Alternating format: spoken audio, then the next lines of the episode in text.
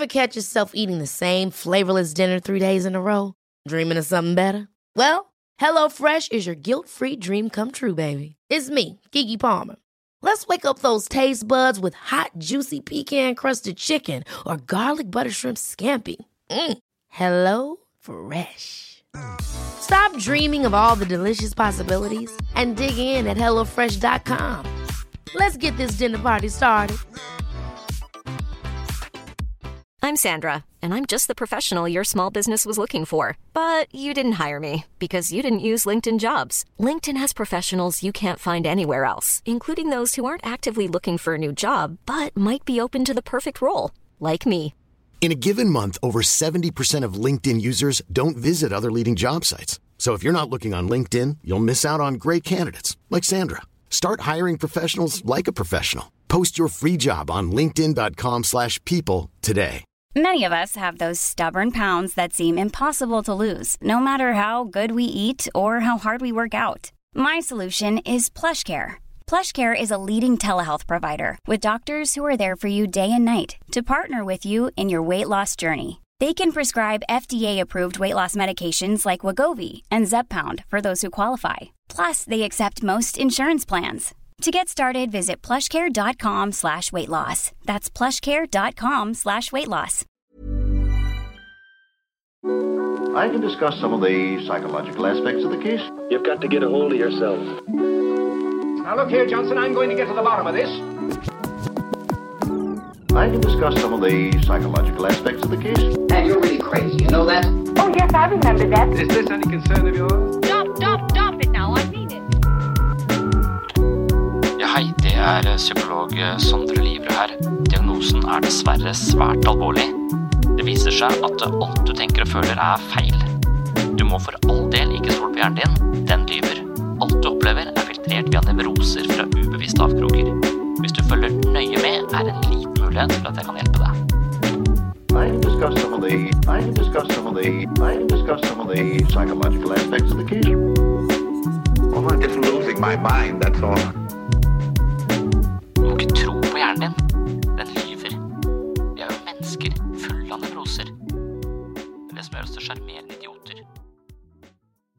Det er ikke bare ettertenksomme og rasjonelle vurderinger som styrer vår atferd, snarere tvert imot. Mesteparten av det vi foretar oss er diktert av ubevisste krefter. Vi kan oppleve at vi gjør veloverveide beslutninger, men alt det vi tenker, føler og foretar oss, er alltid influert av årsaker vi ikke er fullstendig klar over. I tillegg er vi sosiale vesener som er kobla til andre mennesker. Når vi tar avgjørelser og tenker at vi agerer så selvstendig som mulig, vil alltid konteksten, kulturen og andre mennesker ha en synlig eller usynlig finger med i spillet. Som forberedelse til dagens episode har jeg nok en gang lest en populærpsykologisk bok. Jeg opplever at det kan være spennende å ta utgangspunkt i litt mer poppsykologi, for deretter å koble de litt spissa poengene til den mer akademiske og kliniske psykologien. Denne gangen har jeg lest boken The Social Animal av Times-spaltisten David Brooks. Velkommen til en ny episode av Sinnssyn. Ja, da tror jeg vi begynner. Da skal jeg forsvare den påstanden om at alt vi tenker og føler er feil. Etter hvert som jeg har sagt det en milliard ganger, så begynner jeg å mislike setningen litt, for at jeg, jeg liker ikke ordet feil, da. Og det er jo ikke ment som at dette skal være sant på noen måte, for det er jo selvfølgelig feil. At alt vi tenker og føler er feil. Sånn at det, hele setningen eh, faller jo på sin egen urimelighet. Men Jeg liker ikke nødvendigvis ordet feil, men jeg tenker at alt det vi tenker og føler, det er sånn som det er. Men årsaken til at vi tenker og føler akkurat det, det er vi ganske uvitende om. Det er vel det som er poenget her. Så i og med at jeg har en slags sånn eh, scorer så høyt på dette med intuitiv, og en av de tingene som er med den typen personlighet, er at jeg, er ofte mer interessert i hva som foregår bak sceneteppet enn på scenen. Og det er jo det dette her eh, dreier seg om, og det er det kanskje psykologi dreier seg om, er jo å vite litt om hvem har regissert dette skuespillet. Når denne personen står på scenen og gråter, så er det ikke nødvendigvis fordi denne skuespilleren er lei seg, men fordi at en eller annen har eh, regissert denne rollen på den måten at personen skal føle sorg på dette tidspunktet i dette skuespillet. Så jeg tenker at eh, alt du tenker og føler er feil, er en litt sånn provoserende setning. Noen blir litt sånn irritert av den, og den er litt irriterende, for den, den så liksom tvil ved alt, da. Men, eh, men, den er jo ment som en intuisjonspumpe som skal få oss til å tenke litt mer på hva foregår bak sceneteppet i min syke. Hva er det som styrer min motivasjon? Hva er det som gjør at jeg tenker, føler og reagerer på akkurat denne måten? Og Hvis vi kan begynne å kikke litt bak eh, der, sånn, så kan vi kanskje eh, forstå mer av de drivkreftene som fører oss i ulike retninger i livet.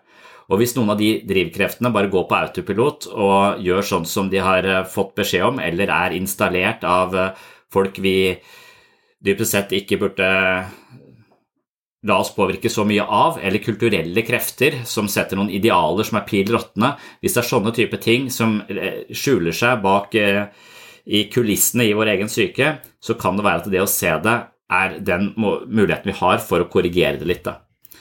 Så nok en gang så, så, skal jeg da Denne gangen så har jeg lest en bok som, av David Brooks som heter The Social Animal. Den eh, bare ga meg enda mer så å si, vann på mølla til å eh, tenke på rare ting som styrer oppførselen vår. Og igjen, det er eh, kanskje ikke så viktig å vite akkurat disse tingene, men hver gang jeg får en ny sånn idé om hva som styrer motivasjonen min, og hva som ligger bak, eller under panseret da, på psyken min, så, så, er det litt mer sånn Å ja, faen, det kan være det. Det er kanskje årsaken til at jeg holder på på den og den måten. Og hver gang jeg får en ny sånn idé, så er det som om jeg tror litt mer på at Oi, all, alt jeg driver med, er jo uh, så mangefasettert. Det er så mange årsaker til dette her. Og jeg vet veldig lite om uh, hva som driver meg, og dermed så kan jeg heller ikke være så veldig bombastisk. Men, og her kommer det litt sånn vanskelig, for noen blir veldig tvilende på seg selv når de skjønner at de ikke kan vite så mye om seg selv. Jeg blir mer nysgjerrig på hva som foregår bak sceneteppet. Så, så jeg håper at det ansporer til nysgjerrighet og en slags ydmykhet for at alt det vi tenker og føler, nødvendigvis ikke er skrevet i stein eller skal få lov til å definere oss, men at vi skal få et litt større, litt romsligere forhold til det vi tenker og føler, for det er så mange faktorer vi ikke har kontroll på, som er med på å produsere akkurat de opplevelsene. Så det første som står i denne boka til David Brooks, The Social Animal, han, den er sånn proppfull av sånne sosialpsykologiske studier som, er, eh, som viser hvor eh, mange rare ting som påvirker oss. Og Et av eksemplene er at når du går inn på et supermarked, og du kommer til frukt- og grøntavdelingen, så viser forskning at eh, rar forskning Hvem er det som støtter denne typen forskning? Et av mine spørsmål også her. Men eh, da, hvis du har en jungellyd i bakgrunnen i frukt- og grøntavdelingen, hvis du har en lite sånn lydspor til de ulike avdelingene i butikken, så vil folk begynne å gå litt langsommere det betyr at de oppholder seg lenger i butikken og kjøper mer. Så hvis du da har jungellyder i frukt- og grøntavdelingen, og du har da bølgeskvulp ved fiskedisken, så vil mennesker bevege seg litt langsommere rundt i, i, butikken, og ergo da også bruke litt mer penger der inne, så det øker omsetningen. Gøy å vite. Du kommer ut med tre poser ekstra. Du vet ikke hvorfor. Du tror du har tatt et over... Eh, du tror du har liksom Ja, det var jeg trengte det. Men nei da. Det er av jungellydene at du har kjøpt så jævla mye grønnkål. så det det er jo um, det, det, det, er, mange sånne, uh, sånne ting, og jeg, skal innlede i dag bare med å si sånne ting. Rare ting som, uh, som styrer oss. Og, og, de er litt sånn random, for det var de, de jeg syns var mest gøy en, et valg vi tar da, i livet vårt som, eh, som, er ganske avgjørende, er jo hvem vi skal være sammen med. Valg av partner, den er jo den er litt avgjørende. Halvparten av oss velger feil, viser det seg. Før det funker ikke. Så, eh, men hva er det som styrer det valget? Vi tror kanskje at vi må si at det venner de kan man velge, mens familie det bare får man. Partner kan man også til en viss grad velge, da. Men i hvor stor grad velger vi egentlig? Her er det selvfølgelig disse levereglene som kan styre oss. Hvis vi har et sånt destruktivt selvbilde og tenker at vi er verdiløse, så har vi en tendens til å søke mot mennesker som bekrefter akkurat det, sånn at det er en slags sammenheng mellom min indre forståelse av meg selv og den ytre virkeligheten, for da jo, henger jo ting på greip. Hvis det ikke henger på greip, den ytre virkeligheten speiler meg på en helt annen måte enn jeg føler meg på innsiden, så vil det bli ganske problematisk. Så det er jo denne, det er jo én årsak til, eh, til hvorfor vi kan velge feil partner, eller hele tiden møte mennesker som eventuelt behandler oss dårlig. Det handler ofte om vi selv har et ganske negativt syn på oss selv. Så, men det er bare én ting av hvorfor vi, hvorfor vi velger. Så, så, er det mange sånne biologiske faktorer også. Så det viser seg at vi tiltrekkes mennesker som ligner oss. Og det er jo heller ikke kanskje så, så revolusjonerende, men det er mer spesifikt mennesker som har samme størrelse på nesa og samme avstand mellom øynene. Det er det som du ser mennesker som holder sammen, de har ofte samme avstand mellom øynene og, og en like stor eh, Eller omtrent like stor nese. Og det syns jeg også er utrolig eh, gøy. Og så husker jeg når jeg ble sammen med hun jeg er gift med, så var det en sånn studiekamerat som sa at, også at ja, det er ikke så rart. Da var vi litt sånn innen evolusjonspsykologien og så på sånne ting. Det er ikke så rart, for begge to ligner på tegneseriefigurer. Og Jeg er usikker på hvilken tegneseriefigur jeg egentlig ligner på, for det fikk jeg aldri spurt om. Men jeg tror kanskje det er Tintin, for da hadde jeg så lyst hår. Hvilken tegneseriefigur hun ligner på, det vet jeg ikke. Så jeg kunne ikke helt se det. Men det var vel liksom sånn at vi kanskje ligner litt da, på en eller annen måte. Så vi tiltrekker da mennesker som eh, ligner oss på en måte, ofte også med etnisk samme bakgrunn. Eh, ofte mennesker som har tilsvarende utdannelse og kommer fra en eh, ganske tilsvarende sånn sosioøkonomisk bakgrunn. da. Og så viste det også at i kjærligheten, den finner du nærmere enn du tror. For en studie fra Colombia, i denne hovedstaden i South Carolina i USA, en veldig gammel studie fra 50-tallet, viste at over halvparten av ekteskapene som var inngått i, i det var inngått mellom mennesker som bor innenfor 16 kvartaler fra hverandre. Og 37% av de igjen bodde ikke mer enn fem kvartaler fra hverandre. Så nærhet til partneren er også en eh, veldig viktig rolle for hvem du, hvem du velger. Så velger vi da mennesker som har litt samme interesser, holdninger, forventninger. Og vi graviterer da mot mennesker som har litt like fysiske karakteristika. da. Og mer sånn spesifikt så vil heteroseksuelle kvinner f.eks. de vil tiltrekkes menn med symmetriske ansiktsproporsjoner, samme avstand mellom øynene som dem selv, og de skal helst være da litt eh, De bør være litt eldre, litt høyere og fysisk sterkere enn kvinnen. Det er eh, det som er det mest tiltrekkende. Det er også ganske eh, velkjent, kanskje, at, at, at kvinner tiltrekkes høye og mørke. Vet ikke om de må være mørke, da. Men, ehm, men, en annen ting som ikke jeg visste, det var at også kvinner tiltrekkes menn med store pupiller. Og da falt ting på plass for meg. For jeg har mislykkes i så mange år på utesteder, så dramatisk, og jeg tenker at jeg har brukt feil rusmiddel. Jeg er helt sikker på at det finnes noen rusmidler som gjør at pupillene dine blir mye større, og da tror jeg at mine sjanser hadde økt ganske kraftig. Mens jeg har gått eh, ti år på utesteder med total fiasko i ti år. Så det, så det, skulle jeg ønske noen fortalte meg eh, litt tidligere. Jeg kunne ikke gjøre så mye med høyden min, men, eh, eller proporsjonen i ansiktet, men jeg kunne sikkert fått pupillene til å bli litt større. Det er jeg ganske sikker på. Så der har jeg Det er, det er stalltips til de som er single. Og menn, da. Men derimot de tiltrekkes ganske sånn universelt kvinner der sto det i boka med et forhold mellom midje og hofter tilsvarende en ratio på 0,7. Og det veit jeg ikke engang hva det betyr. I tillegg kraftige lepper, ren hud og fyldig hår. Det er blant de eh, faktorene som da fremmer eh, tiltrekning.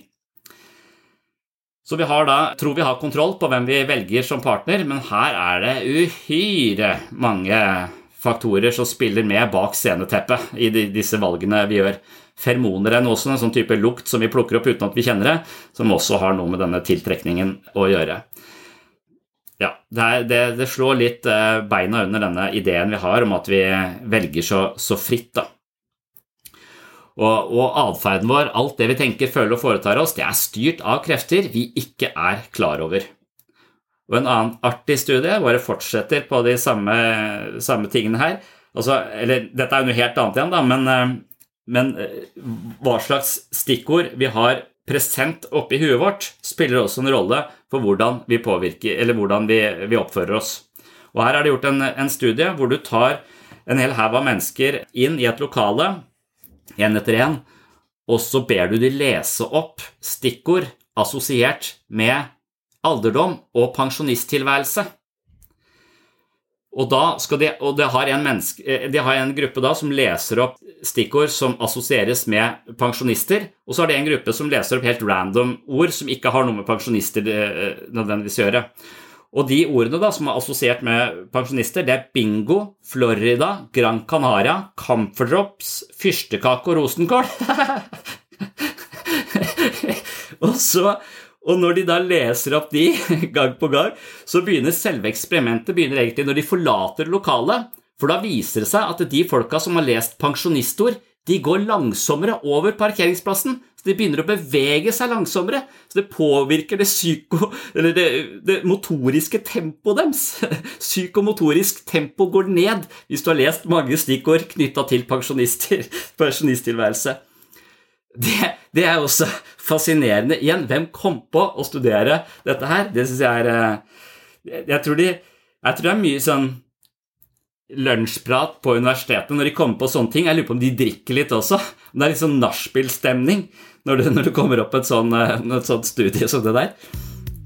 Hvilken vin vi kjøper, det, er, eh, det, også, det bestemmer jo Vinmonopolet, og det gjør de på den måten at vi vil oppleve en flaske vin. Den vil oppleves dyr ved siden av en billig vin, men eh, billig ved siden av en dyr vin. Så her er det jo spørsmålet hvilken vin vil Vinmonopol selge deg. Så hvis de ønsker å selge deg en flaske til 300 kroner, så vil de sette den ved siden av flasker til 500 kroner, for da vil du oppleve den som billig og kjøpe den. Men hvis målet deres er å selge deg en flaske til 150 eh, kroner, så setter de ved siden av en til 300 kroner, osv. Så, videre. så så det, de, det, er en del flasker de forventer å ikke selge, men de har gått all in på å selge disse flaskene, og de bare plasserer de på en sånn måte at de virker billigere på oss. Så måten vi får informasjon på, åssen ting er rigga rundt oss, det påvirker oss i veldig høy grad. Leger bør vite dette hvis de har med mennesker som er alvorlig syke å gjøre. Så hvis du har folk som har en alvorlig, eller har fått en, en kreftdiagnose f.eks., så så trenger jo den personen å føle en viss grad av ro og balanse for å kunne håndtere den perioden de da skal gjennom, kanskje med behandling som er tung osv. Og Da er det veldig viktig at man presenterer prognosene på den måten at hvis legen sier det er 85% sjanse for at dette går bra, så vil det være altså det er det de får høre, det er 85 sjanse for at dette går bra. Men det er 15% sjanse for at dette ikke går bra. Og Hvis de da begynner med å si denne sykdommen du har, der er det 15 eh, sjanse for at du dør. Det er ikke et, en bra uh, inngangsport. Det, det, vil skape mye, mye mer stresshormoner, mye høyere angst og uro hos den pasienten som da hadde trengt den energien til å, å immunforsvar osv. Så, videre. så det å ha så mye engstelse er jo ikke bra selvfølgelig når du er syk, men det er jo lett å bli engstelig når man er det. Men da bør legen altså fokusere på 85% sjanse for overlevelse. For den informasjonen presentert på den måten gir mye mer ro og mye mindre kortisol i kroppen. Det er også interessant å, å vite, og vi kan kanskje bruke dette på oss selv også, og vite at det, måten vi fokuserer på, vil også regulere stresshormonene i vår egen, i vår egen kropp i, i podkasten også så, så, nevner jeg dette her med, med, disse dommerne fra Israel, som også sier noe sentralt om, eh, om hvordan vi tar avgjørelser, og ganske da avgjørende avgjørelser, for vi tenker vel at rettsvesenet bør være ganske objektivt, men objektivitet er jo da en illusjon. Sånn jeg ser det etter å ha lest alle disse eh, finurlige studiene. Og det, denne studien med disse dommerne den kommer fra et universitet som heter Ben Julio University. Og Overskriften på den, de artiklene om den, eh, om den studien der er sånn 'Rettferdighet er det dommerne spiser til frokost'. De er inne på noe der fordi de nettopp jo viste at eh, i en, en arbeidsdag hvor dommerne skulle vurdere om, om fanger skulle få prøveløslatelse, så var det to tredjedels sjanse for at du fikk det hvis saken din kom opp rett etter frokost eller rett etter lunsj. Men hvis saken din kom opp rett før lunsj, hvor dommernes blodsukker var lavt, så var eh, sjansen din for å få prøveløslatelse Da var det bare én av tre som fikk det. Mens rett etter eh, frokost og rett etter lunsj så var det to av tre som fikk det. Så sjansen dine for å bli eh, løslatt den reduseres ganske dramatisk hvis dommerne har lavt blodsukker. Det er også ganske illevarslende, egentlig. Det er jo litt sånn, Man håper vel at ting skal være forholdsvis eh, objektivt. men eh, hvis blodsukkeret spiller en så stor rolle, så må man jo også tenke seg at ja, Tenk på alle. Tenk hvis nesa til de som kommer opp, er altfor stor, f.eks. Eller at avstanden mellom øynene er altfor smal i forhold til det som dommeren selv har det, så kan det være de syns at den personen ikke er tiltrekkende i det hele tatt, og tenker jeg må faen meg være inne, skal ikke ha ut de folka der. Altså, hva, hva er det som påvirker alle de avgjørelsene der sånn? Bør ikke det være fakta i saken, ikke sånne ting som blodsukker og fysisk utseende? Det er jo Eller etnisitet, da, selvfølgelig. Jeg er fargeblind, jeg. Altså, alle folk som sier at ja, 'jeg har ikke fordommer mot noen', de er de verste folka. Altså, de, de skjønner ingenting av seg sjøl. De veit ikke hvor mange faktorer de selv ikke er klar over, og de er ikke nysgjerrig på det. De bare sier 'jeg, ikke, jeg har ikke fordommer mot noen', jeg. Jeg er helt fargeblind. Altså, det er du ikke. For langt inn der så har du en haug av algoritmer som eh, heller deg i ulike retninger, og hvis du ikke har tenkt over det i det hele tatt, da er du den mest fordomsfulle personen i verden. Så vil jeg heller høre på folk som sier jeg er jævlig fordomsfull, men jeg prøver å finne årsakene til disse fordommene for å prøve å korrigere for det. Det er en, en litt uh, mer uh, De folk bør, vi stole litt, uh, stole litt, mer på. Og En annen ting som kom opp i denne, i denne, boka, The Social Animal, som jeg tenkte jeg, kunne bruke, er at det, når det kommer mennesker til psykisk helsevern, så har de ofte med seg en ganske vanskelig historie. De har ofte opplevd mye faenskap opp igjennom. Ikke alle, men en del har det. Og måten vi da evaluerer barndommen vår på, den handler jo litt om hva slags barndom vi faktisk hadde, men det handler også om hva slags vær der ute. Og Her har de studert da mennesker som har gjenfortalt historien sin en solskinnsdag og en regnværsdag, og de to fortellingene er helt forskjellige. Så vi har en tendens til å se annerledes på vår egen oppvekst, fokusere mer på det positive hvis sola skinner, enn hvis det regner. Så da tenker jeg nå skal jeg bare ha nye pasienter når det er bra vær. Og så avlyser jeg hvis det, er, hvis det er dårlig vær. Da vil det bli mye, da vil det ikke bli så mye tungt på kontoret, for da vil de gjenfortelle denne historien på en helt annen måte. Det er sånn derre er, er, det mulig? Det, men det gir jo litt mening. altså Jeg opplever selv at problemene mine er litt større når det er eh, overskya, og det er vintersesong, og det er slaps. Det skal ikke så mye til da, altså. For jeg også tenker eh, på hele livet som ganske eh, trist. så, så, min oppfattelse av min egen fortid og tilværelse korrelerer også i stor grad da med, med været. Og da tenkte jeg altså det eneste lure som de fleste, eller som veldig mange nordmenn eh, gjør, da, og pensjonister for den saks skyld, det er jo når det blir overskya, kaldt og dårlig vær, så reiser de til Gran Canaria på all inclusive, for da sørger de for at blodsukkeret er på topp hele tida, samtidig som de har sol, og da har de korrigert for veldig mange faktorer som påvirker humøret deres ganske dramatisk. da. Så jeg har annet svigerforeldre som er eh, i varmere strøk nesten hele tida når det er kaldt her, eh, her hjemme. Og de, de, koser seg og gjenforteller historien sin da om livet sitt på en veldig oppløftende måte. Det er, det er så mange sånne, sånne ting vi tror kanskje vi er autonome, vi tror kanskje vi er selvstendige, vi tror kanskje vi tar våre egne valg. Det er også uh, ikke hele sannheten. Og Det er neste poeng han uh, er opptatt av, at vi er sosiale vesener, og veldig mye av de valgene vi tar, er også da styrt av uh, sosiale føringer, familiære føringer og andre mennesker.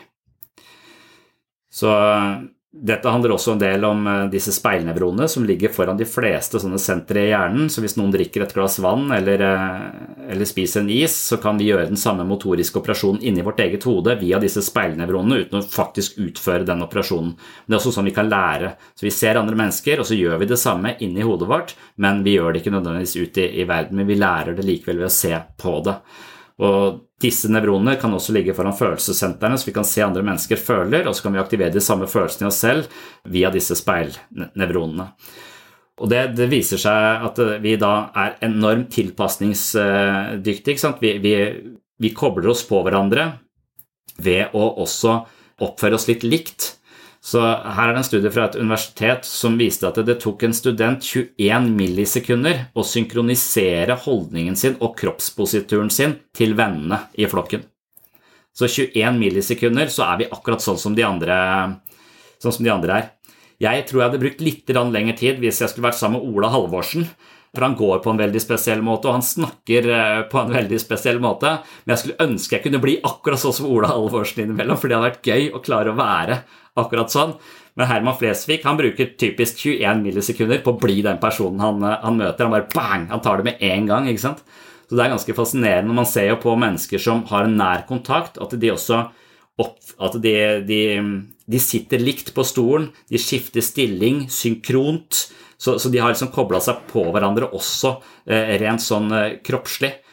Det er kanskje her vi kan se noen Hvis det er ute på autismespekteret, så kan det være at det er noen forstyrrelse i nettopp disse speilnevronene som handler om disse følelsene, denne synkronisiteten mellom andre mennesker. Da. At de ikke er fullt så på en måte tona inn på den andre, og det da skapes litt hakk i, eh, i relasjonen som gjør at den ikke glir på samme måte som de opplever at andre mennesker glir. Så da kan det være en eller annen forstyrrelse i disse, disse speilnevronene som sørger for og Da føler man seg ofte litt annerledes og utenfor, og man får ikke helt til den dansen, den mellommenneskelige dansen. Så det kan man tenke er noe i autismespekteret. Det blir så jævlig fett å bare ta frem gatteren og bare ok, Skyte noen, bare løpe inn sånn her. Du kommer inn, ikke sant? Ba, ba, ba,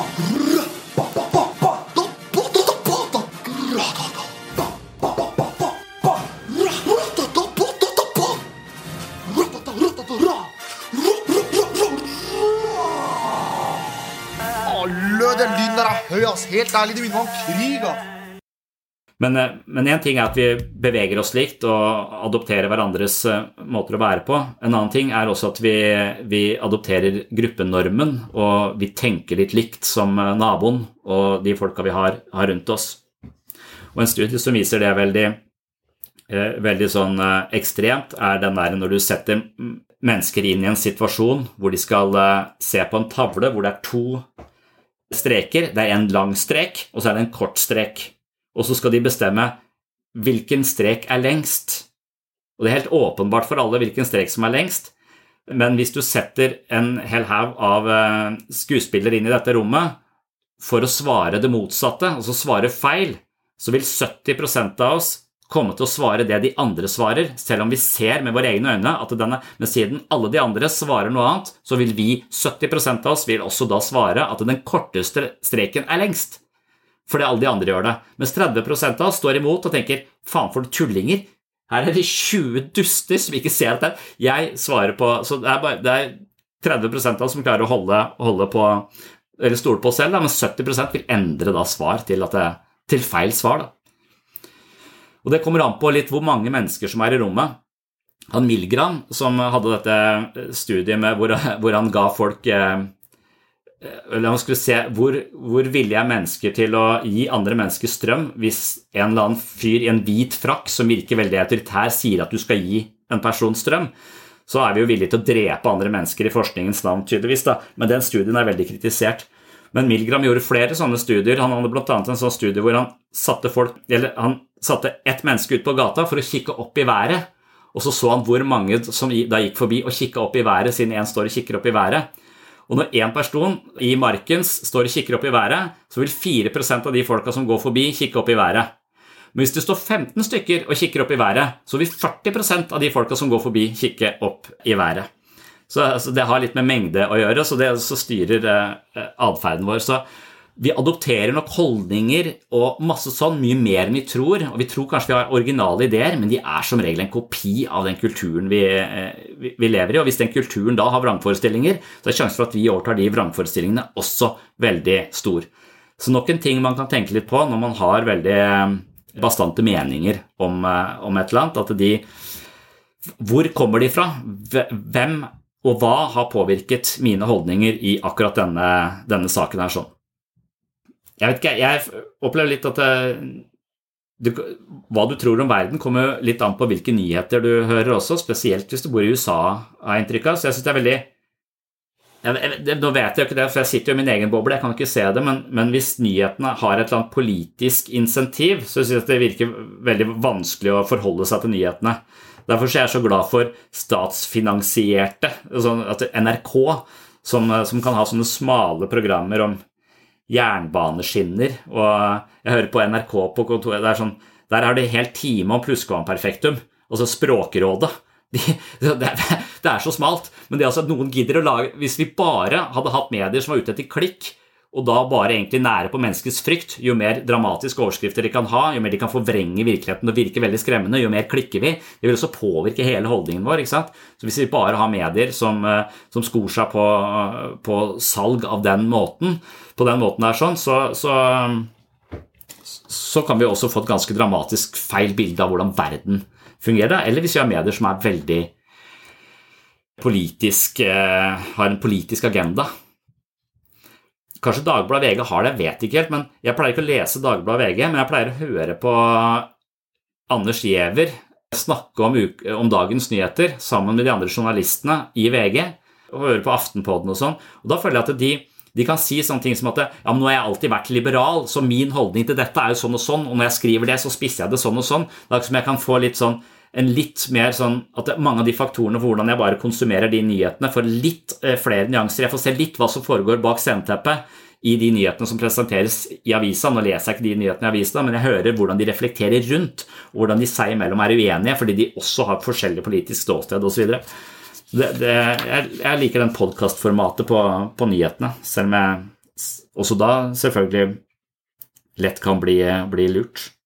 Så vi kan fortsette sånn her i det uendelige. Jeg om dere har noe, har noe innspill. Det er, eh, det er, mye å ta av når det gjelder eh, tanker om hvorfor vi bør eh, være litt mer interessert i hvordan vi skrur sammen alle opplevelsene våre, og hvilke faktorer som potensielt sett kan påvirke oss. Da. Det psykologi handler om, er jo ofte å gjøre det ubevisste bevisst i kjølvannet av Freud. Og da viser jo viser at det, det snakket vi om litt tidligere, at hjernen vår prosesserer 11 milliarder bits av informasjon i sekundet. Jeg vet ikke hvordan de har klart å regne ut det, da, men 11 milliarder bits, mens vi kun er bevisst 40 bits. 40 det er ingenting, liksom. Så alt det som prosesseres av informasjon, det foregår da utenfor vår bevisste oppmerksomhet. Og når vi da er til stede og bevisst i det vi holder på med, så er likevel den ubevisste delen av hjernen vår 200 000 ganger kraftigere enn den bevisste delen av hjernen vår. Så den bevisste delen av hjernen vår den er 200 000 ganger langsommere enn den ubevisste delen av hjernen vår. Så alle de avgjørelsene vi tar på løpende bånd hele dagen, det, styres uten at vi legger merke til det, veldig raskt av ubevisste krefter. Og det vi er bevisst om. Og det er selvfølgelig, det er jo lurt, for det, hvis du er i en farlig situasjon og ser at det er et vogntog på, 30 tonn i 80 km rett mot deg, så, så du har ikke tid til å tenke så mye på hva du burde gjøre, og hva som har skjedd her, da. Altså, da dauer du. Så da må så veldig mye av det som skjer, må foregå på autopilot. Og den autopiloten er rask, og den er, forvalter masse, masse informasjon, men ofte styrt av algoritmer som kan være installert til oss av foreldrene våre, av eh, mennesker som har kritisert oss gang på gang, eller kulturen som har et eller annet ideal om hvordan du skal se ut. Så det er utrolig mye som har flytta ned i disse ubevisste informasjonsprosesseringa, som også da styrer handlingene dine i bestemte retninger. Og for å bli kvitt sånne uvaner som stammer fra dette her, så bør vi begynne å fokusere litt på på hvor disse vurderingene våre kommer fra for å, for å korrigere for dem. For hvis vi kan se det, så er det også kanskje mulig å korrigere disse ubevisste tingene. Så hvis vi er mer Så er denne Det er jo det hele dette Det du tenker og føler er feil, skal prøve å anspore til. da, Være litt mer nysgjerrig på hva som foregår, foregår bak der. Men egentlig bare når du opplever at resultatene er, eh, ikke er eh, spesielt eh, Eller at du får resultater i livet ditt som du, som du ikke er fornøyd med du får en livsførsel som, er, eh, som er full av angst eller depresjon. Det er da du bør gå og se litt i disse, de ubevisste. Mens mange kan jo ting som de ikke kan redegjøre for, som er helt fantastisk, men som de ikke, ikke trenger å finne ut av hvorfor vet jeg akkurat dette, for det, det prosesseres helt ubevisst, og du kan det bare. Det kalles jo å være en ekspert. Det er bl.a. en egen yrkesgruppe som heter kyllinghviskere det er mennesker som er ansatt av de som driver med høns, for å vurdere om kyllinger er hann- eller hunnkjønn. Og de som har jobba med høns hele livet, de kan plukke ut kyllinger dagen etter de er født og vite om det er han eller hun. men det er egentlig umulig å se. Men de bare veit det. De bare føler om det er han eller hun. Så For oss andre så er de klin like, disse kyllingene. Det er ikke mulig å se forskjell på dem, men de kan plukke de ut med 99 eh, sikkerhet om det er han eller hunnkjønn. Men de, kan, de, vet ikke selv hvorfor, de bare vet det, liksom. Det bare, de kan ikke peke på noe. De ser ikke på tisten, liksom. Det, det, er, ikke, det er, ikke, sånn. Så det er sånn med Hannkjønn, hunnkjønn, hannkjønn, hunnkjønn, høne, hane, høne, hane, transhøne det, det, er jo hvordan, hvordan vet de dette? De bare vet det. Og det prosesseres da fra disse ubevisste nivåene i, i, i huet. Veldig, veldig fascinerende. Så, så det er noen sånne kunsteksperter også, som, som, eh, som Hans, Malcolm Gladwell husker jeg skrev om disse, disse kunstkjennerne som bare ikke kan redegjøre for de, hvordan de vet det de vet, men de bare vet det. og han har dette eksempelet hvor et eller annet eh, museum i New York har kjøpt inn en sånn jævlig dyr skulptur, eh, skulptur fra Egypt, som mener de er den tredje og den, den som manglet da i denne og så, har de undersøkt om dette er en ekte et ekte eksemplar, og så har de konkludert med at det er det, så har de kjøpt den til mange mange, mange millioner kroner. Så kommer denne eksperten inn i rommet og så kaster han et blikk på det, og så sier han har de kjøpt den, og sier de ja, det skulle de ikke ha gjort, sier han. Og Det er fordi at det, den er falsk. Så, det, det, nei, vi har sjekka det, og så går de nye runder, enda mer eh, undersøkelser, så viser at dette er den beste kopien som noensinne er laget for å lure dette museet. Så han, denne kunsteksperten som har jobbet med dette hele livet, han har det i blodet. Vi sier jo kanskje at de har det i blodet, liksom. Det er jo egentlig bare Vi veit ting, vi plukker opp ting som vi ikke kan redegjøre for, men som ligger på et ubevisst eh, nivå.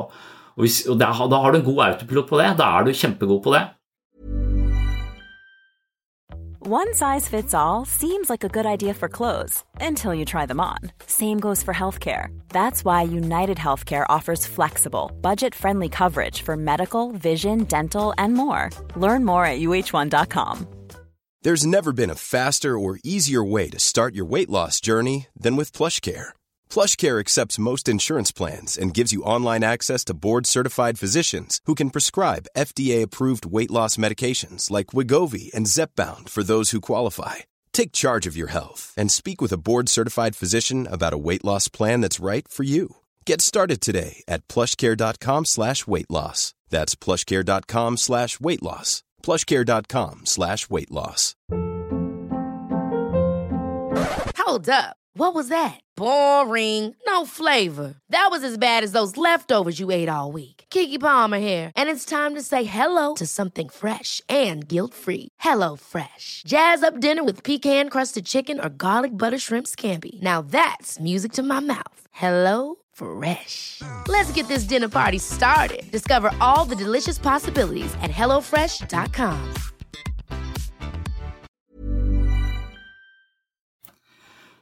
Og en sånn ting som vi kanskje bør være kjempegode på, er å være menneskekjennere. Det er det som er litt mentalisering. Å være såpass trygg på hva andre mennesker føler, og klare å kode dem på såpass korrekt måte at du kan manøvrere det sosiale landskapet i veldig høy grad. Og hvis du ikke kan det, altså ofte føler du kommer i konflikt osv., fordi du kanskje har masse ubevisste prosesser i deg selv du ikke er klar over, men også da en manglende evne til å forstå den andre fra, fra, innsiden. Og da tenker man jo at eh, gruppeterapi handler om å øke mentalisering, som handler om å bli litt sånn kyllinghvisker på det relasjonelle. Bare det at det fins kyllinghvisker, er for meg helt fantastisk. Det, det, det, det, det elsket jeg. Jeg har så lyst til å møte en, liksom. På mange måter så er disse eksemplene litt sånn trivielle.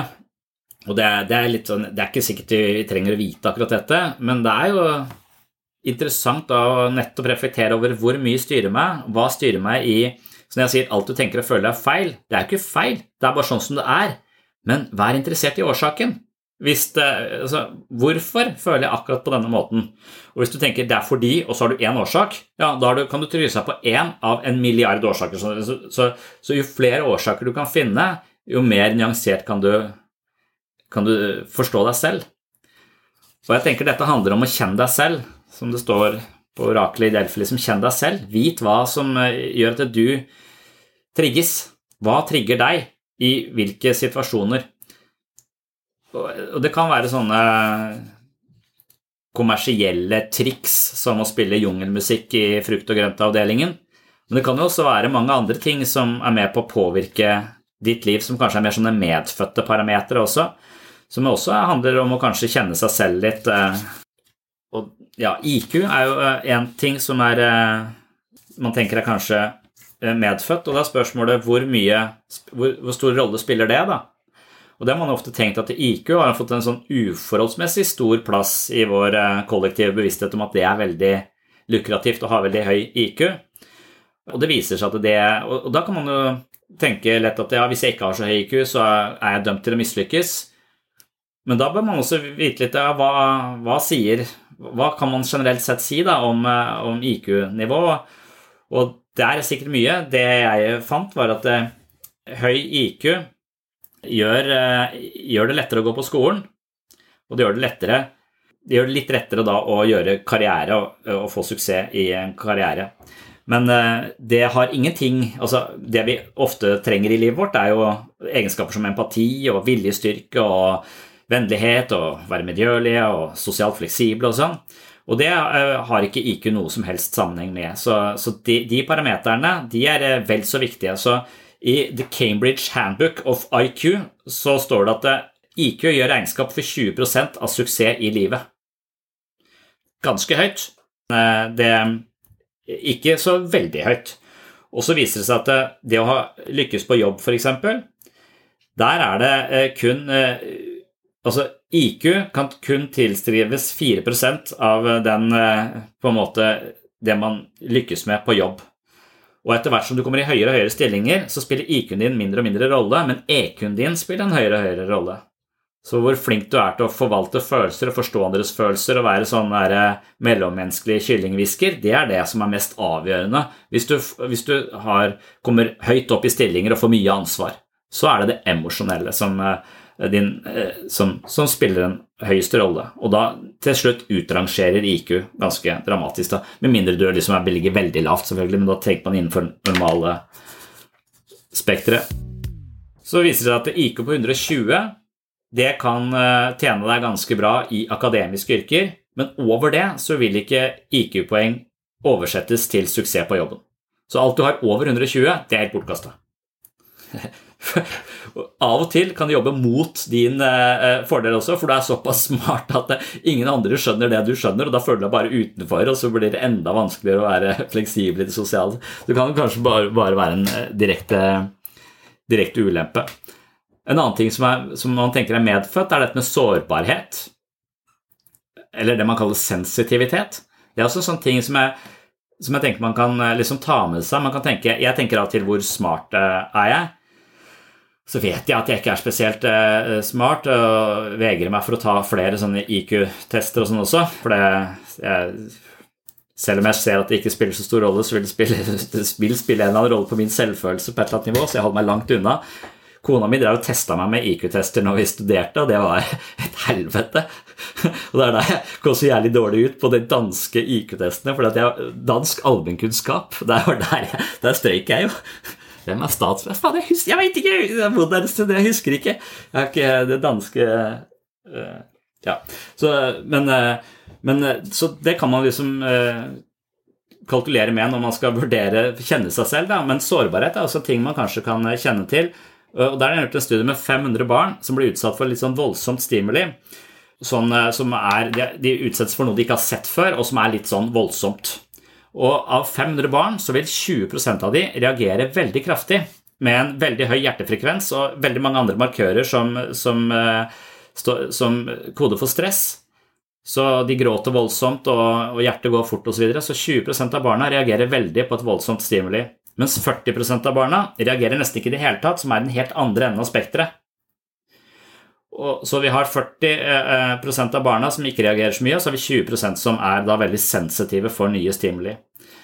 Og når man følger disse menneskene gjennom livet, så viser det seg at det å være veldig sensitiv, det kan være en kjempefordel hvis du lever i trygge og rolige omgivelser uten for mange farer.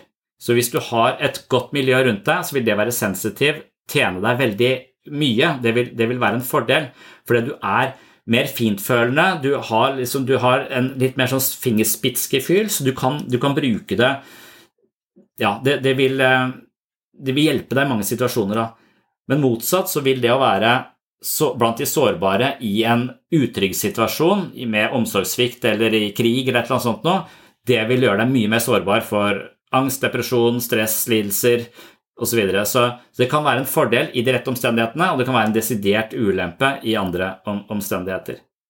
Så, sånn kan, så hvis man er, har en, denne medfødte sensitiviteten, hvor man kanskje ser verden i nesten en litt finere oppløsning, hvor, hvor ting føles litt sterkere på, på kroppen for, for andre, så kan det være en kjempefordel.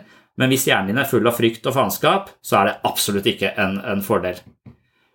Men da bør du jo da på en måte jobbe med denne frykten, sånn at du kan kultivere den sensitiviteten du har, på en god måte. Den er ikke bortkasta likevel. Den er bare og, og, Jeg kan gå ut på dette, avslutte med dette, så kan vi diskutere disse tingene litt, kanskje. men vi har snakket om denne marshmallow-studien tidligere, og det viser seg også at det, den graden av um, impulskontroll et barn har, det reflekterer også barnet senere i livet. Så så En ting er denne sensitiviteten barnet har, men også impulskontrollen barnet har. Så når du setter et barn foran en marshmallow og sier at eh, ikke spis eh, den, eller hvis du ikke spiser den eh, og holder ut i 20 minutter, så skal du få en til, og skal du få lov til å spise den.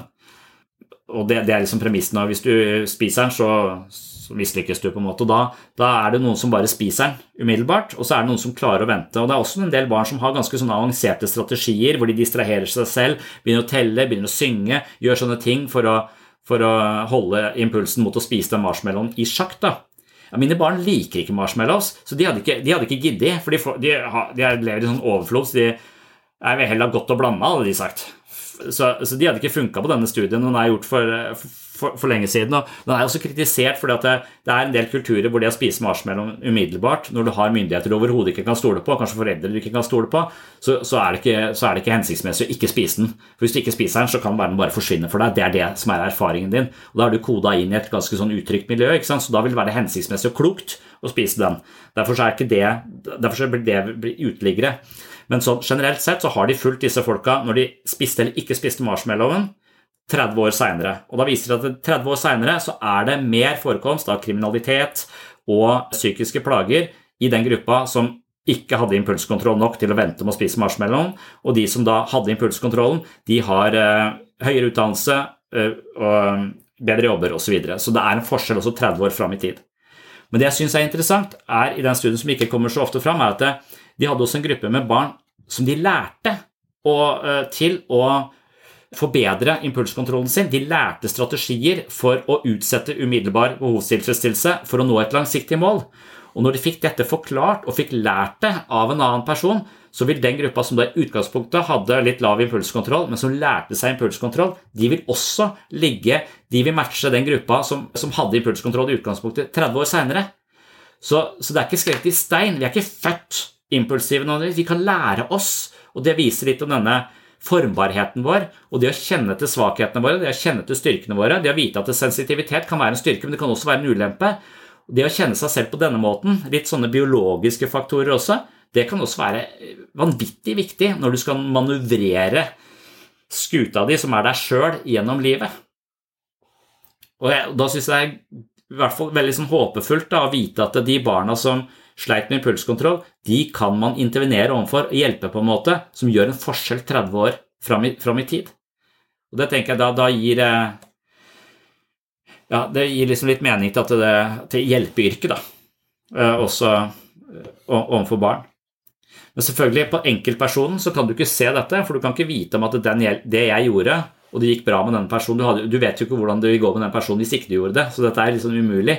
Men, men det er interessant med sånne studier som den Marshmallow-studien, som da bare tok de, lagde en egen gruppe med folk med lav impulskontroll som de lærte opp, og så så de hvordan de var 30 år fram i tid som gruppe. Og det, da, da, kan du plutselig si et eller annet, eller i hvert fall peke i retning av at her er det et eller annet. Det er mulig å lære seg ting, gjøre om på algoritmene sine. Og det er eh, Det, det liker jeg. Så jeg tror setningen er bare sånn catchphrase fordi at den er provoserende. Alt du tenker er feil. Så den er, den er bare provoserende, ikke sant. Så den, den skal bare provosere til, til, noe, men den kan jo lett bare spille på lag med et eller annet kritisk eh, superego som Ja, jeg veit, jeg er helt feil. Jeg er helt eh, Så det er mye, mye romsligere å si at, eh, alt det du tenker og føler, er sånn som det er, men årsaken til det, den kan vi dykke ned i og være nysgjerrige på. Så, så, og problemet med folk som har, ofte har utfordringer, er jo at de tror på eh, konklusjonene sine. De tror på tankene, de tror på følelsene sine i en veldig sånn absolutt forstand. Det er jo det vi må liksom litt vekk ifra. Vi må se at her er det sykt mange faktorer som er med på å påvirke oss i akkurat denne retningen. Og her er det godt mulig at jeg er eh, korrumpert av eh, ulike krefter som ikke vil meg vel, f.eks. Eller som har vært veldig uheldige, eller som er overført fra mennesker som selv er full av krefter som ikke vil dem vel.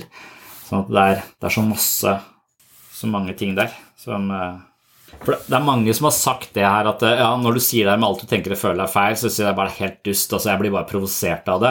Og så langsomt så jeg begynner å tenke på det, og så ser man liksom uh, hva det egentlig innebærer.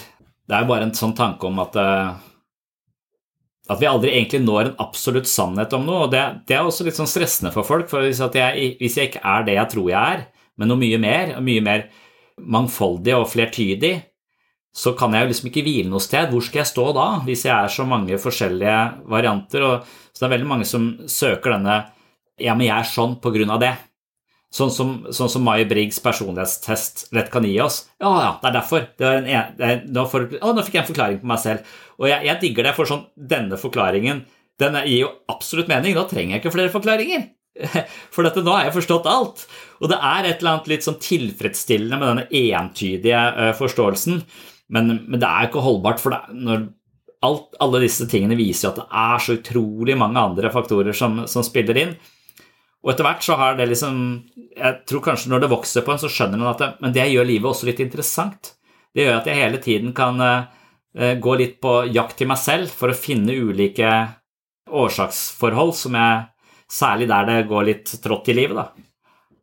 Altså det å plukke fra hverandre hønehviskeregenskapene dine, det er ikke sikkert du trenger. for dette det så alle psykologiske teorier er jo da egentlig verktøy for å kikke bak sceneteppet på oss sjøl, da. Så du har dybdepsykologien, liksom, som peker på et eller annet som eh, kanskje er sånn eksistensielt vanskelig, universelt for mennesker peker på sånne arketyper.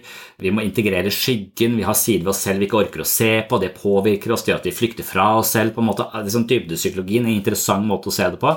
Og så har du mer denne, disse studiene som er sånn altså Jeg bare ser for meg at uh, mer sånn overfladisk at hvis du sier det til noen, så vil det påvirke det i en eller annen retning som gjør at de går saktere. Så jeg bare ser for meg, Hvis jeg var sånn friidrettsutøver og skulle løpe mot Ingebrigtsen, og jeg står på startstreken der, så skulle jeg jo liksom mumla fyrstekake, rosenkål, camphor drops For da hadde jeg jo flisa de lett, ikke sant? For da hadde de bare jogga så langsomt bortover. Så det kan påvirke andre mennesker på den måten er jo litt interessant, eh, det også. Men det er nok så bitte, bitte, bitte lite Alle vil ikke la seg påvirke, men det har bitte liten effekt som er synlig, da. Men så er det millioner av sånne, sånne effekter. Og det er i hvert fall viktig å, å vite om uh, sånn, i hvert fall for min egen del også, at når, jeg, når, ting, når, det, er, når det regner ute, og jeg skal ta uh, liksom, veldig avgjørende avgjørelser, så bør jeg vente litt fordi det regner. Og Da mener jeg ikke nødvendigvis bare at det regner, men kanskje det er en situasjon hvor det er veldig følelsesmessig oppbrakt. som liksom, det, det, det vil jo bare overstyre hele hjernen din, så du tror på de følelsene, og du vil koble ut all denne, denne ideen om at ja, det er tusen faktorer som påvirker akkurat sånn jeg føler for denne saken akkurat nå, det glemmer du fordi følelsen overstyrer den delen av hjernen som husker på det. Eh, du må, men du må hele tiden ha en sånn eh, advarsel inni deg at når jeg er på mitt mest skråsikre og mest emosjonelle, så er jeg også på mitt mest trangsynte. Og det er det dårligste tidspunktet å ta en eh, avgjørelse på, eller agere på det som så det er bare å prøve å sitte helt stille i båten eh, og ikke, ikke sende den mailen, da. Eller For når man liksom da virkelig er, kanskje er skikkelig forbanna, f.eks., for og man tror det er fordi den andre er en dust, så kan det være fordi at de spilte black metal på supermarkedet. Eh, der du kjøper kjeks og morgenblanding. Så det har ikke noe med den andre personen å gjøre i det hele tatt. Det er musikken på Meny. Jeg prøvde å høre etter den. De har ikke sånn musikk eh, på supermarkedet i Norge. på, Jeg har ikke hørt den eh, dette lydsporet til enhver avdeling i, på OBS. Ja, jeg snakker jo ikke så mye om de VR-brillene lenger, for jeg kjenner ingen som har det og er like entusiastiske, så jeg blir bare helt sånn uh, gal når jeg snakker om det. Ja, det er jeg enig i. Altså, så VR-briller har mange sånne ting som ja, f.eks. det å gå på den planken. da, Men det er også en sånn interessant eksperiment, da, for at eh, hvis du virkelig skjønner at alt du tenker og føler er For da veit du hva som lurer sansene dine. Du vet at du har på deg et par briller som tror at du er i 20. etasje en eller annen bygning og skal gå ut på en, eh, på en planke, men du veit jo at du er på, eh, i din egen stue, ikke sant? Så Nei, da, da, tror du for mye på, på sanseapparatet ditt. Ja, det er veldig sigende da at du, du, vet at sansene dine nå er påvirket av disse avanserte teknologiske utstyret du har på hodet ditt, men likevel så vil du da vegre deg for å gå to meter fram i din egen stue. Jeg, jeg har prøvd det på mange. Jeg prøvde på moren og faren min òg. De ble helt perplekse. De gikk ikke et skritt. Altså, men, eh, mens dattera mi gikk rett ut og hoppa. Eh, så, så er du suicidal? Hva faen er gærent med deg? Det er jo Nei, men det var jo bare, det var jo bare på tøys, sier hun. Ja, jeg vet. Det var bare på tøys. Drømmen er en veldig god, para, god parallell, liksom. At drømmen Drømmen våkner vi fra og tenker 'oi, ja'. Men alle disse andre tingene som påvirker oss, når vi skjønner de, så kan vi våkne fra de òg. Å ja, det er derfor. Men eh, når vi ikke veit om de, og vi ikke skjønner at de drømmer, så er vi under drømmens totale innflytelse, da. Det er ikke så stor forskjell, tenker jeg, på vitenskap, ulike former for vitenskap og psykoterapi. Sånn at eh, hvordan skal du manøvrere deg ut av overbevisninger som er så sterke i deg at du tror på det uansett hva andre sier? Hvordan skal du, hvordan skal du ikke la deg overbevise av den følelsen som er så sterk om at jeg er udugelig. Og den er jo da, helt, eh, er jo da så preget av eh, ditt perspektiv på verden. Det er så subjektivt, for andre mener at du ikke er udugelig. Så, så du har andre perspektiver som sier det motsatte, men du tviholder på ditt uh, subjektive perspektiv. Da. Og jeg tenker sånn på sånn Generelt sett så har vi utviklet en strategi for å korrigere for våre subjektive ting for å prøve å forstå verden sånn som verden er, på best mulig måte. Vel vitende om at vi aldri kommer til verden i seg selv. Vi kan nærme oss en stadig bedre og mer korrekt oppfattelse av det, og det kalles jo naturvitenskap. Istedenfor å ha anekdotiske bevis og erfaringer vi har, så prøver vi å samle masse masse data, og så prøver vi å gjøre det så, eh, så upersonlig som mulig, sånn at vi kan i mest mulig grad undersøke hvordan tingene faktisk forholder seg uten, vår, eh, uten, at vi er med på å konstruere de resultatene i så stor grad. Da. Det, det syns jeg er et sånn prisverdig prosjekt, og at vi kanskje bør ha en litt sånn naturvitenskapelig holdning til oss selv innimellom. Fordi at vi er så lett for å, lett for å gå på andre forklaringsmodeller som, eh, som er følelsesmessig nærmere. La oss si du tar en medisin, da, og så, og så får du narkolepsi og så lager du en sånn egen gruppe for at den medisinen fører til narkolepsi. Ja, den medisinen fører til narkolepsi i én av 50 000 tilfeller. Men den medisinen fører også til at 20 eh, 000 mennesker som tar den, eh, får en mye høyere livskvalitet. Så, altså det, ofte så har vi anekdotiske bevis og erfaringer som vi, eh, vi, vi baserer ting på, og så, så, har det ikke noe overføringsverdi. eller det er, det er nok litt sånn at vi er ikke så veldig naturvitenskapelig orientert til oss selv heller. Og jeg mener ikke at man skal være sånn totalt rasjonell heller, for jeg mener at hvis du, hvis du hele tiden har dette rasjonelle, analytiske fokuset på deg selv, så får du andre problemer igjen. Så du må også ha et slags estetisk fokus. Du må ha et, et moralsk, filosofisk fokus. Du, du, må ikke veie alt i denne, men på noen områder, når det gjelder din egen verdi og sånn, så kan du kanskje gå litt analytisk til verks og så plukke det litt fra hverandre. Hvor kommer dette fra? Mens på andre sider så er det noen ganger at jeg har bare en, en følelse for noe. Jeg har en følelse for en type musikk. Det gidder ikke jeg plukke fra hverandre. For det, for det, hjelper meg å velge. Det hjelper meg å velge hva jeg skal sette på platespilleren. Og jeg tviler ikke på å skru av den, den, den, den. den. Altså, jeg, jeg, klarer å velge, så hvis vi ikke hadde følt noe for noe, liksom ha en sterk følelse uten at vi egentlig skal forklare den, så, så, er det også litt sånn vanskelig å i det hele tatt manøvrere seg. Så vi trenger også lytte til følelsen sånn som følelsen er. Bare stole på den. Så det er mange ulike vitenskapelige disipliner, og humanvitenskap og samfunnsvitenskap og naturvitenskap, og de har forskjellige sånne kriterier for hva som er sant. Og jeg tror akkurat de samme ideene bør vi liksom ha litt på oss selv eh, også, hva slags sannheter leter vi etter. Og psykoterapi, psykoterapiprosjektet er jo et sannhetsprosjekt. Det handler om å forstå seg selv en, i, mer, i flere nyanser. Det handler om å avsløre feilkoblingene våre, eller de koblingene som gjør at vi hele tiden skader oss selv, f.eks. Så det handler om å komme til en mer oppriktig forståelse av hvem vi er.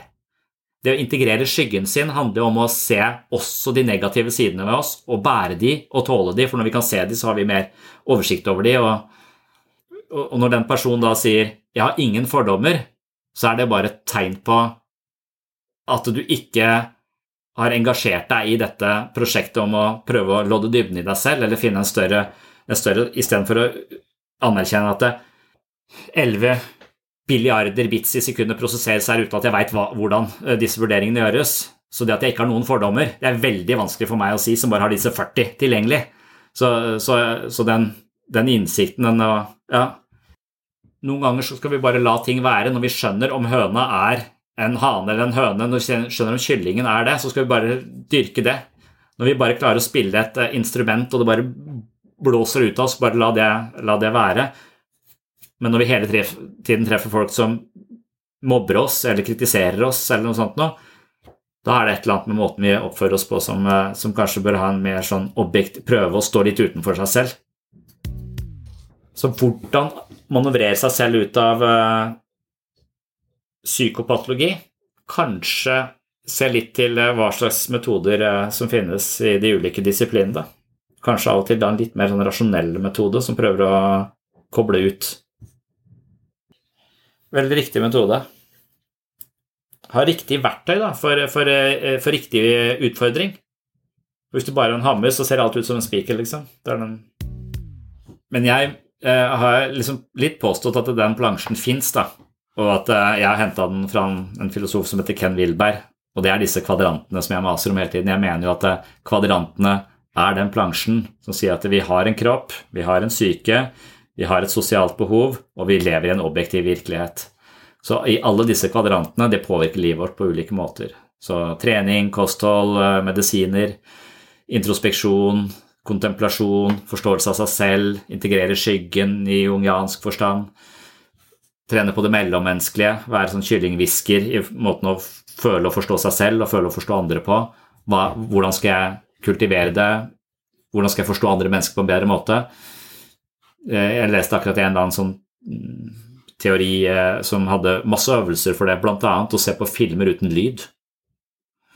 Og så prøve å kode hva de føler, bare ved å se på de, uten at du får eh, tonefall og lyd.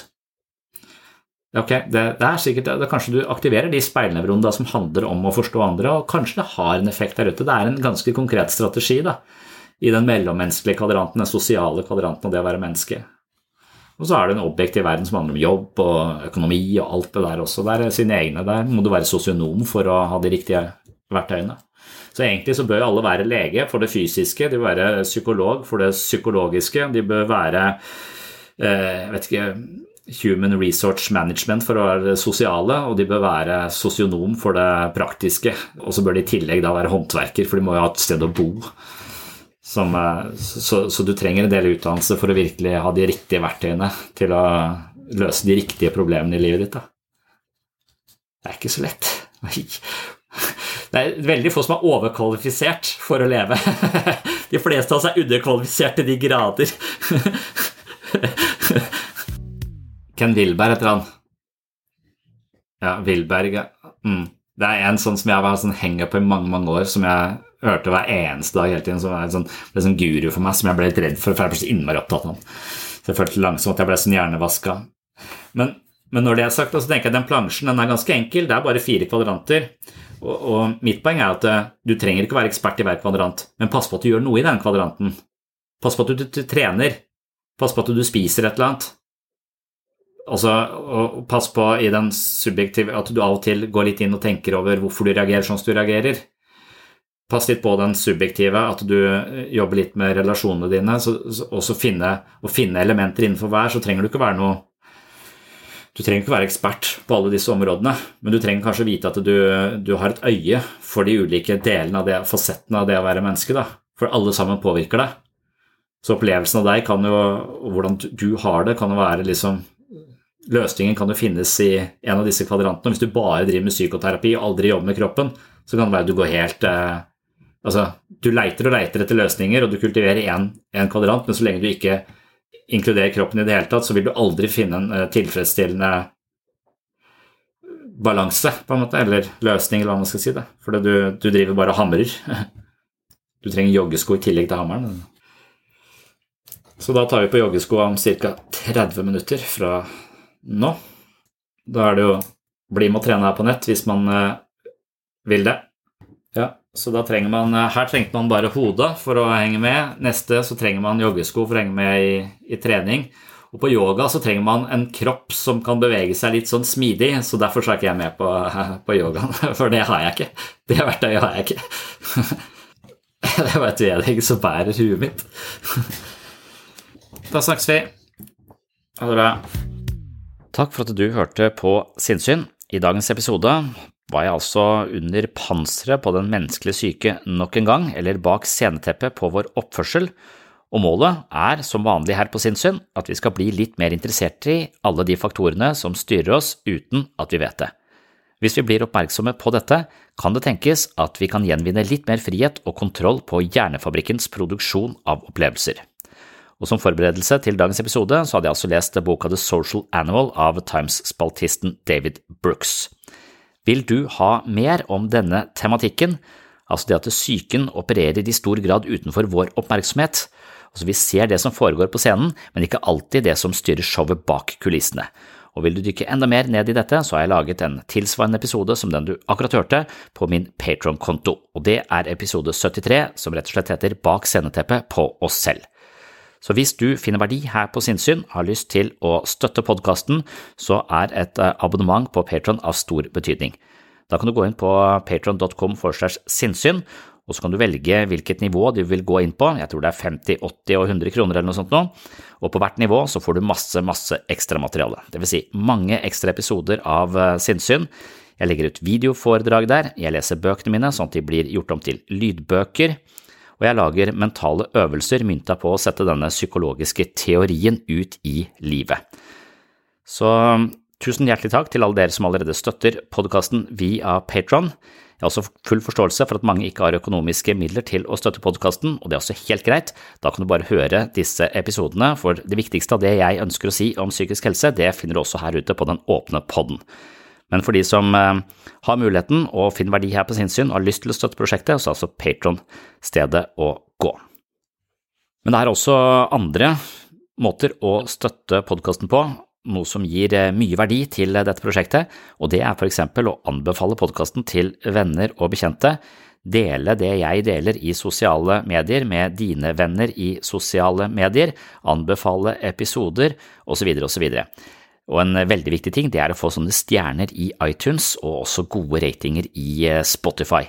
For hvis podkasten scorer høyt der, så vil flere folk eh, få tilgang til den, eller teorien er vel at hvis du gir den gode skussmål på iTunes, så vil iTunes eh, legge den litt høyere opp på listene sine og gjøre den litt mer synlig for andre. Så podkaster som får gode tilbakemeldinger, de blir mer synlige, og dermed er det også muligheter for at flere plukker opp sinnssyn. Og Målet med podkasten er jo som sagt å spre kunnskap om alt det som foregår under panseret til så mange som mulig, og da vil eh, den typen drahjelp som det er å få gode skussmål og bli delt i disse ulike sosiale kanalene, veldig viktig. Så hvis du liker det du hører her på sinnssyn og har lyst til å hjelpe til, så vil også det å dele og rate osv. være av stor betydning. Takk for følget, og på gjenhør i neste episode. Oh, oh, I'm just losing my mind, that's all.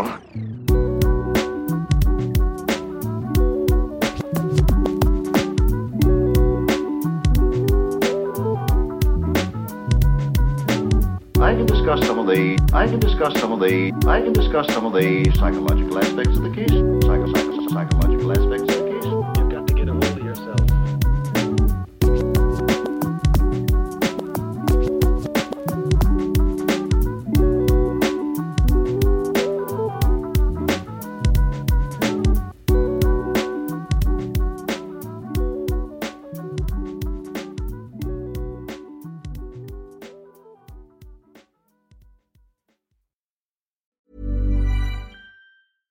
Ever catch yourself eating the same flavorless dinner three days in a row? Dreaming of something better? Well, HelloFresh is your guilt-free dream come true, baby. It's me, Kiki Palmer. Let's wake up those taste buds with hot, juicy pecan-crusted chicken or garlic butter shrimp scampi. Mm. Hello Fresh. Stop dreaming of all the delicious possibilities and dig in at HelloFresh.com. Let's get this dinner party started. Planning for your next trip? Elevate your travel style with Quince. Quince has all the jet setting essentials you'll want for your next getaway, like European linen, premium luggage options, buttery soft Italian leather bags, and so much more. And is all priced at 50 to 80% less than similar brands. Plus, Quince only works with factories that use safe and ethical manufacturing practices. Pack your bags with high-quality essentials you'll be wearing for vacations to come with Quince. Go to quince.com/pack for free shipping and 365-day returns. Imagine the softest sheets you've ever felt. Now imagine them getting even softer over time. That's what you'll feel with Bowl and Branch's organic cotton sheets. In a recent customer survey, 96% replied that Bowl and Branch sheets get softer with every wash. Start getting your best night's sleep in these sheets that get softer and softer for years to come. Try their sheets with a 30-night guarantee. Plus, get 15% off your first order at bowlandbranch.com. Code BUTTERY. Exclusions apply. See site for details.